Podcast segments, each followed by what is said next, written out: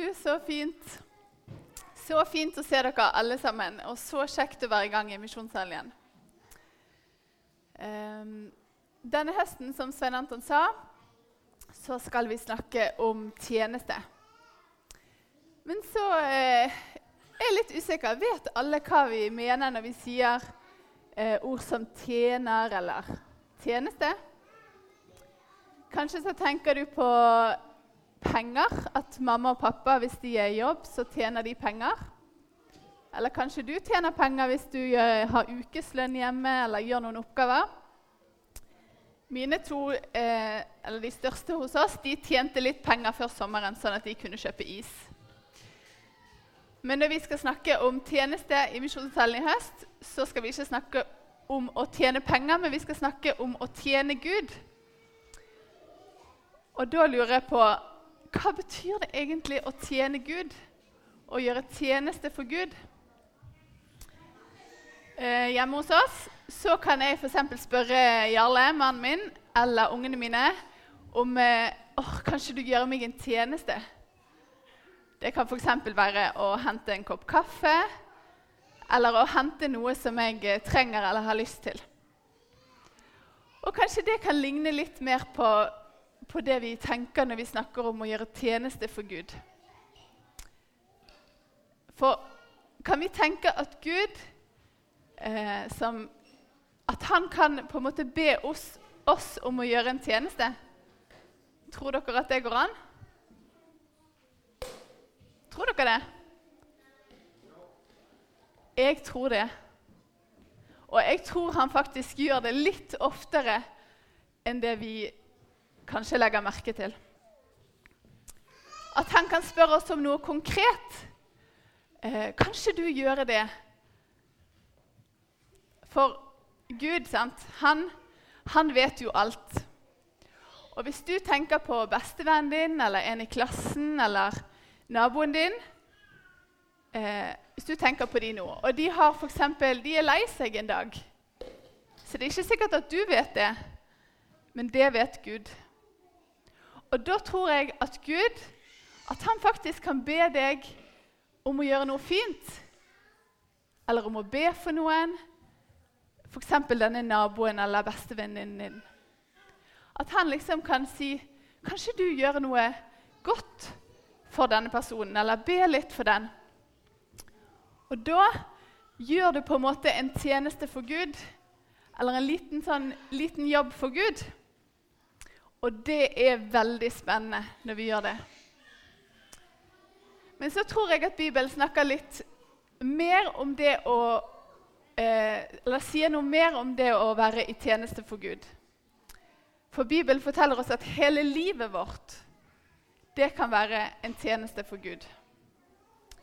Og Da tror jeg at det handler litt mer enn sånne småjobber som Gud spør oss om av og til. Jeg tror at når jeg har tenkt på det, hva vil det si å være i tjeneste for Gud, så har jeg tenkt at det handler om å peke på Gud med livene våre. Og det kan jeg gjøre med ordene som jeg bruker, hvordan jeg er med andre, og hva jeg bruker tid på. Og nå skal jeg fortelle en utrolig kul historie eh, om hva det vil si å være tjener for Gud. Så jeg er faktisk ikke helt sikker på om alle kjenner historien, selv om den er hentet fra Bibelen. Men den er veldig kul. Og den historien den handler om en kriger. Den handler om en liten jente, og den handler om en profet. Og de tjener Gud på hver sin måte. Men før jeg forteller historien, så skal jeg presentere eh, de som er i historien. Historien den er hentet i kongebøkene i Bibelen. Eh, og den kan vi kalle Naaman sin tjenestepike. Første personen som vi møter i, i denne historien, han heter Naaman. Og han ser dere her. Og han er leder for hæren i et land som het Syria. Og han, han var en flink kriger og en god soldat. Og han, han var godt likt av kongen i landet, for han hadde vunnet mange kriger og gitt kongen mange seire. Og folk som han, Soldatene hans likte òg han veldig godt. Og selv om han kunne kjempe i kriger og vinne mot nesten hvem som helst, så hadde han et problem. Han kunne ikke vinne den kampen mot sykdommen som var i kroppen hans. Han var alvorlig syk med en sykdom som het spedalskhet. Og På den tiden så var det ingen medisin som kunne redde han. Neste som vi møter i historien, det er en liten jente. Og Hun står det ikke navnet på i Bibelen, så vi vet ikke hva hun heter. Men hun var fra Israel. Og hun, hun var tatt til fange. Hun kom fra Israel og trodde på den samme guden som vi gjør. Og var tatt til fange og var nå en tjenestepike for Naaman og konen hans. Og de var nok ganske greie med henne, men det kan ikke være lett å være så langt vekke fra hjemme. I et land hvor ting er veldig annerledes. Og i det landet så trodde de på andre guder enn det, enn det som er vår Gud. Siste som jeg skal presentere, er en profet, og han heter Elisha. Han var en veldig viktig profet i Israel. Og så tenker du kanskje hva betyr det å være en profet? Og det å være en profet er en som på en spesiell måte hører noe fra Gud, og så forteller det videre. Og Før Jesus kom til jorden, så brukte Gud ofte profeter til å si eller å gjøre veldig spesielle ting. Og Elisha han fikk gjøre mange spesielle ting som det står om i Bibelen. Faktisk 15 sånne mirakler står det om at Elisha fikk lov til å være med å gjøre. En av de tingene som han fikk lov til å gjøre, som er veldig spennende, som dere kan lese om, er at han ba for en gutt som var blitt død. Og så ble han levende igjen. Og så delte han en elv i to. Og så gjorde han sånn at en fattig kvinne ikke gikk tom for mel. Selv hvor mye mel hun brukte. Eller olje. Men det er noen andre historier. Den historien som jeg skal fortelle om, den er eh, Den handler om Naaman og tjenestepiken hans. Og den går som følger. Naaman han var en leder for Herren i Syria. Han var en modig mann, og han var en fantastisk soldat. Men fordi han hadde en sykdom som het spedalskhet, så var han ulykkelig. Og den lille tjenestepiken syntes synd på han. For hun likte ikke når andre folk hadde det vondt. Da ble hun lei seg. Og Da gikk den lille tjenestepiken til Naaman sin kone og sa Jeg vet om en profet. Han bor i mitt hjemland, og han kan gjøre Naaman frisk. Konen kunne ikke forstå at dette var sant. Men hun gikk til Naaman og så fortalte dette, og Naaman hadde veldig lyst til å besøke denne profeten. Og Så gikk han til kongen i landet sitt og spurte kan jeg få dra og besøke denne profeten. Og kongen, som var veldig glad i Naaman, lot han dra. Og I tillegg så ga kongen Naaman masse gaver og sa disse skal du gi til profeten. Og Naaman ble glad, og han reiste. Og da Naaman kom frem og var så spent på å møte denne store profeten som kunne gjøre ham frisk, så møtte de tjeneren til, Naaman, nei, til Elisha. De møtte ikke profeten, de møtte tjeneren. Og tjeneren sa, 'Du må gå og vaske deg syv ganger i Jordanelven, og så skal du bli frisk.' Men da ble Naaman sint. Han hadde kommet så langt, reist så langt, og han hadde med seg så masse gaver. Og så fikk han ikke møte Elisha engang. Han var veldig skuffet. Og han var så sint at han bare sa nei, vi drar hjem igjen med en gang. Han ville ikke gjøre det. Han hadde kanskje trodd at Elisha skulle møte ham på en litt spesiell måte. For han var jo litt spesiell. Han var jo leder for hæren i Syria, og han var en flott og god mann. Og han hadde med seg alle disse gavene. Så nå var han sint, og han dro hjem. Men på veien hjem så var det en av hans tjenere som sa hadde ikke, du, hadde ikke du gjort det hvis han hadde spurt deg om noe vanskelig? Det å bade seg, det er jo bare Det er lett. Kan ikke du gjøre det? Og så skal vi se en liten video om hva som skjedde. Og Denne videoen den er på engelsk, og jeg vet at ikke alle her snakker engelsk, men jeg tror dere kanskje skjønner hva som skjer likevel. Og Hvis dere har lyst til å vite akkurat hva de sier, så kan kanskje mamma og pappa hjelpe dere litt mens filmen går. Um, videoen den er hentet fra en serie som heter Superbook. Uh, og Derfor så ser du en gutt, en jente og en robot. Eh, og I serien så er det en gutt og en jente som reiser tilbake til historiene i Bibelen eh, ved hjelp av en robot. Eh, men som du kanskje skjønner, så var det dette er jo bare på lat. For det var jo ingen roboter på den tiden. Så hvis du ser de, så er det på en måte ikke med i bibelhistorien, men det er denne serien. da. Eh, men nå skal vi få se hva som skjer om Naaman gjør det som Elisha har sagt, nemlig å bade seg eller vaske seg syv ganger i Jordanelven.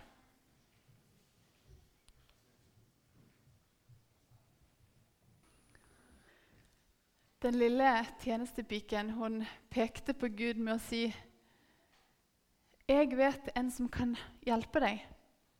Jeg kan ikke hjelpe deg sjøl, men jeg vet en som kan. Hun visste at Gud kunne helbrede. Hun visste at han kan hjelpe. Og hun sa noe som vi alle kan si. Jeg kjenner en som kan hjelpe.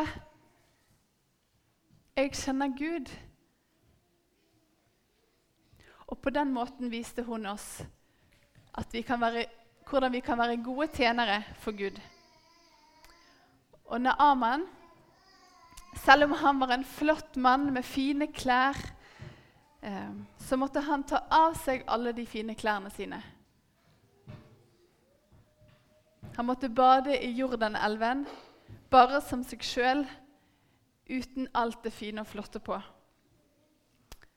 Og Gud gjorde han frisk.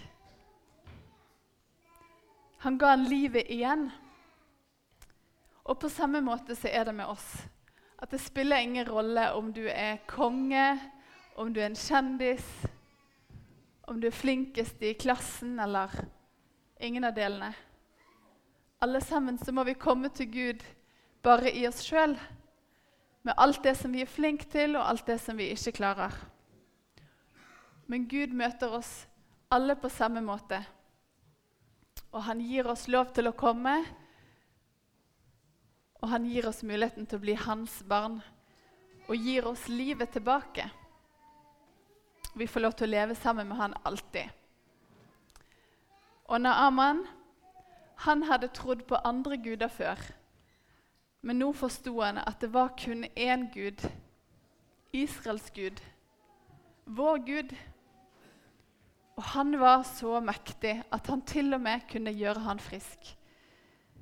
Og Naaman lovet at han aldri skulle tro på noen andre guder igjen. Og Historien går videre, og vi leser om at Naaman han reiser tilbake til Elisha. For han har lyst til å takke Elisha for denne fantastiske gaven som Gud har gitt ham. At han har fått livet igjen. Og Han reiser tilbake igjen og har lyst til å gi alle gavene som han fikk av kongen i Syria, og de vil gi dem til Elisha. Gaven den besto av 340 kilo sølv, 70 kilo gull og ti festkledninger. Så Så lurer du kanskje på ok, eh, det skjønner ikke jeg helt hva det betyr. Eh, men hvis vi skal snakke om kroner og hvor mye det er, så ville det vært millioner. Og hva hadde du tenkt eller sagt hvis noen hadde ville gitt deg millioner for, som takk for hjelpen som du ga? Det som Elisha sa, det var Jeg vil ikke ha noe. Ingenting vil jeg ha. For det var Gud som gjorde deg frisk, og jeg sa kun det som Gud hadde sagt til meg. Så jeg skal ikke ta imot den gaven. Og vet du hva? Jeg tror det er flere av oss som tenker at de millionene hørtes veldig fristende ut. Uansett om vi er liten eller stor, så tror jeg det. Men Bibelen forteller oss at vi skal prøve å være tjenere lik som Elisha. At ikke vi skal peke på oss sjøl, men vi skal peke på Gud og si at det er Han som gjør det. Og så skal ikke vi være så opptatt av penger eller rikdom. Når Jesus kom, eh, så fortalte han til sine venner, sine disipler, at for ingenting har dere fått det, og for ingenting skal dere gi det videre. Eller som det står i den nye oversettelsen Gi som gave det dere fikk som gave. Og så tenker jeg OK, hva betyr det? Jeg tenker at det vi har fått i gave, er at vi kan få lov til å være Guds barn. Og det er mye, mye, mye verdt enn alle pengene i hele verden til sammen. Og det har vi fått. Og hvis noen hadde kommet til Gud og sagt kan jeg få lov til å betale deg penger for at jeg skal få lov til å være ditt barn, da hadde han sagt nei. Hvis noen hadde sagt kan jeg få lov til å jobbe for deg, sånn at jeg kan få lov til å bli Guds barn, så hadde det òg vært helt umulig. For den eneste måten vi kan være Guds barn, så være kristen, er å ta imot. Og så tror jeg at som Guds barn så får vi lov til å være med på det Gud gjør, og det er det å være tjener. At vi får være med på det han gjør. Og så når han gjør ting, og vi får lov til å gjøre små eller store jobber for han, så skal vi peke på han og ikke på oss. Og det er det det handler om å være tjener for han. At Som barn så får vi lov til å være med på det han gjør, og da skal vi peke på han når det er han som gjør det. Uten at vi skal kreve noe tilbake igjen, men vi skal gi det villig. Så da kan vi oppsummere hva vi skal lære av disse tjenerne her. Den lille tjenestepiken hun lærte oss at selv om vi er liten i oss sjøl, så kan vi peke på Gud eh, og være modig og tro på at det er Han som gjør store ting. Og av Elisha så kan vi lære at vi ikke skal være så opptatt av penger og rikdom, men å peke på Gud med det fantastiske han gjør, og ikke oss sjøl. Og så håper jeg at vi i Misjonscellen denne høsten kan eh, hjelpe hverandre til å være gode tjenere. At vi kan både lytte til sånne småjobber, som jeg tror Gud har mange av for oss. Når vi ber, kanskje vi skal lytte litt ekstra. At vi sammen med mamma og pappa kan f.eks. be om har du noen spesielle som du ønsker at vi skal gi noe til, eller be for, eller oppmuntre på en spesiell måte. Eh, og at vi kan gjøre sånne spennende jobber for Gud. Det tror jeg er veldig spennende hvis vi gjør. For jeg tror han faktisk svarer oss. Jeg tror han sier 'ja, han eller hun'. Og så har jeg lyst til at vi skal hjelpe hverandre til å være modige og ikke tenke at vår lille stemme ikke betyr noe, men vi kan få lov til å si jo, jeg kjenner en som kan. Gud kan hjelpe. Og så ønsker jeg at vi skal peke på Gud og skryte av Han når Han gjør store ting, istedenfor å peke på oss sjøl. Så det har jeg lyst til at vi skal be for nå. Så hvis alle kan folde hendene og være med meg og be, skal vi gjøre det til slutt. Kjære Gud, tusen takk for at du er så stor og så mektig. At du vet alt, og at du kjenner oss. Takk for at vi får lov til å være dine barn først og fremst. Men takk òg for at du har lyst til å eh, la oss være med på det spennende som du gjør i verden. Jeg ber om at når vi setter oss ned og så spør deg om det er noen vi skal hjelpe eller gjøre noe for, at du må svare oss og vise oss hvem vi kan gå til. Og må du hjelpe oss til å være gode tjenere, sånn som den lille tjenestepiken og som Elisha. Amen.